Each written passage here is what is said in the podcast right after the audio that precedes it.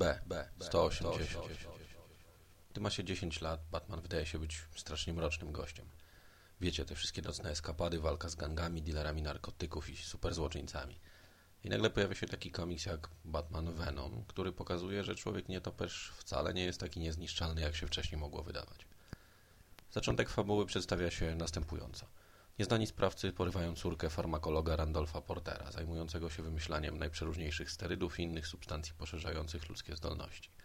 Batman odnajduje zaginioną, jednakże nie jest w stanie utorować sobie do niej drogi. Tarasujące przejście głazy są zbyt ciężkie, aby Wayne był w stanie podnieść je, zanim dziewczynka utonie. Nie zważając na zmęczenie i dręczony poczuciem winy, stara się jednak odnaleźć porywaczy. Ci okazują się wypoczęci i Batman dostaje łupnia. Tak mocnego, że postanawia poprosić doktora Portera o jedną z jego magicznych pigułek. Pigułki, poza zwiększaniem siły, są też niebywale uzależniające. Zazwyczaj, gdy myślimy o narkotykach, mamy na myśli najprzeróżniejsze środki odurzające. Rządy zachodnich państw doprowadziły do dziwacznej sytuacji, w której narkotyków zakazuje się dlatego, że można się nimi odurzyć, ale alkohol jest już jak najbardziej okej. Okay. Choć może to kwestia kultury po prostu. Indianie też nie mogli sobie poradzić z alkoholem, gdy przywieziono go do Ameryki Północnej. Niemniej, autor scenariusza Denis O'Neill zamiast pisać o wadach czy zaletach dawania sobie w czajnik, zajął się czymś o wiele poważniejszym – uzależnieniem. Przełożenie jest proste. Skoro Batman może się od czegoś uzależnić, to jest to ryzyko wiszące nad wszystkimi.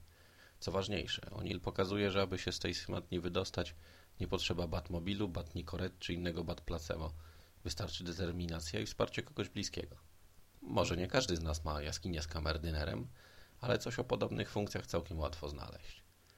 Nie mam pojęcia, czy Venom jest w stanie jakiegokolwiek nałogowca zmotywować do walki, ale wiem, że potrafi całkiem skutecznie umocnić w przekonaniu o nietykaniu różnych świństw. 15 lat temu Venom zrobił na mnie ogromne wrażenie, mimo że z perspektywy czasu fabuła komiksu mnoży się od nieprawdopodobieństw.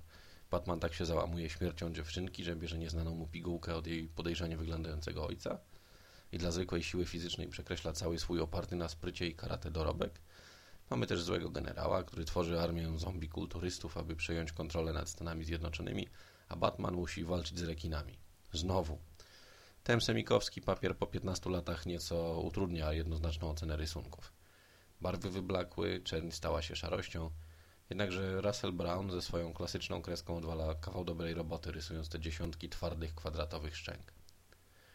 W gruncie rzeczy Venom powiela klasyczny schemat pod tytułem Pierwsza połowa przegrana, Bęcki w drugiej i nagła mobilizacja w ostatnich minutach meczu.